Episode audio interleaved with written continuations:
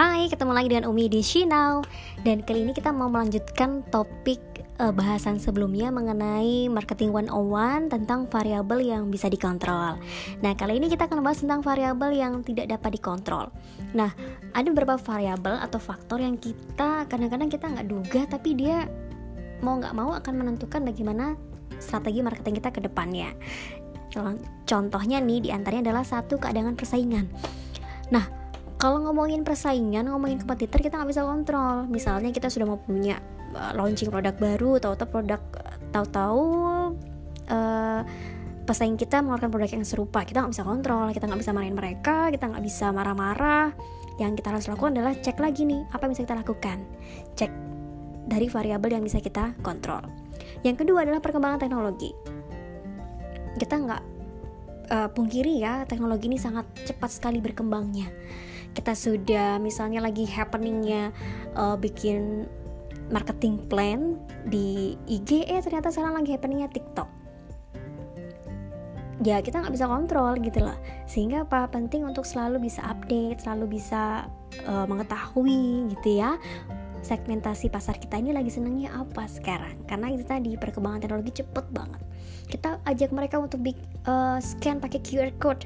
Ternyata sudah lebih advance lagi yang mereka miliki dan sebagainya ya. Kemudian adalah perubahan demografi.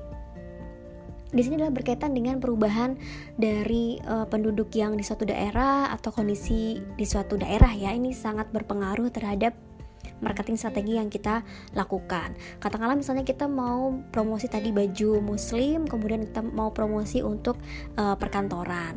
Nah, kita lihat dulu nih di uh, Jakarta seperti apa. Kemudian ternyata kalau kita bawa ke Surabaya kok nggak masuk ya ternyata memang perubahan demografinya luar biasa sehingga balik lagi kalau kita ngomongin marketing market segmentation tadi adalah hal yang bisa kita kontrol. Kenapa? Karena perubahan demografi adalah satu hal yang nggak bisa kita kontrol.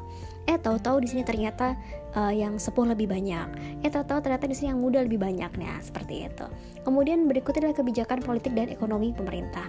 Ini juga sama sekali kita nggak bisa kontrol. Kita nggak tahu bagaimana atau ada apa di pemerintahan sehingga sedikit banyak pasti akan mempengaruhi pergerakan ekonomi yang ada di perusahaan kita. Misalnya tahu-tahu ada uh, kenaikan pajak lah atau peraturan yang berhubungan dengan produksi lah. Nah ini adalah hal yang kita nggak bisa kontrol. Sehingga apa? Tugas kita adalah menyesuaikan ya dengan kondisi politik dan ekonomi di suatu daerah tersebut termasuk misalnya kerasa banget nih ketika kita ngomongin covid ya misalnya uh, tahu apa muncul peraturan pemerintah yang harus social distancing, kemudian di uh, dine in yang dibatasi untuk restoran, kemudian misalnya mengutamakan delivery, ini hal-hal yang kita nggak bisa kontrol sebelumnya gitu, sehingga pasti mau nggak mau akan merubah strategi marketing kita yang sudah kita susun di awal tahun, kemudian ada kebijakan yang berubah, tadi mau nggak mau akan berubah, ya, ini yang harus kita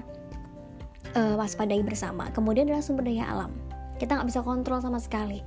Kapan ada bencana kapan ada uh, hujan banjir misalnya kemudian gempa bumi kemudian ada termasuk uh, bagaimana kondisi sumber daya alam di sana melimpahnya kah atau tidak tidak melimpah ini kita nggak bisa kontrol sama sekali.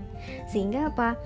Eh, hal-hal uh, yang seperti ini kita harus terus untuk uh, update kita harus terus untuk um, melihat persaingan untuk terus belajar seperti apa supaya hal-hal tersebut paling tidak kita bisa minimalisir ya sehingga bisa menjadi satu hal yang bisa kita kelola dengan cara yang uh, sederhana. Karena kita sudah meminimalisir deh paling nggak nggak rugi amat lah gitu ya.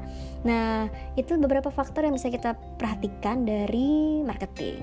Oke okay, next kita akan bahas tentang 4P kali ya. Oke okay, tetap di She Now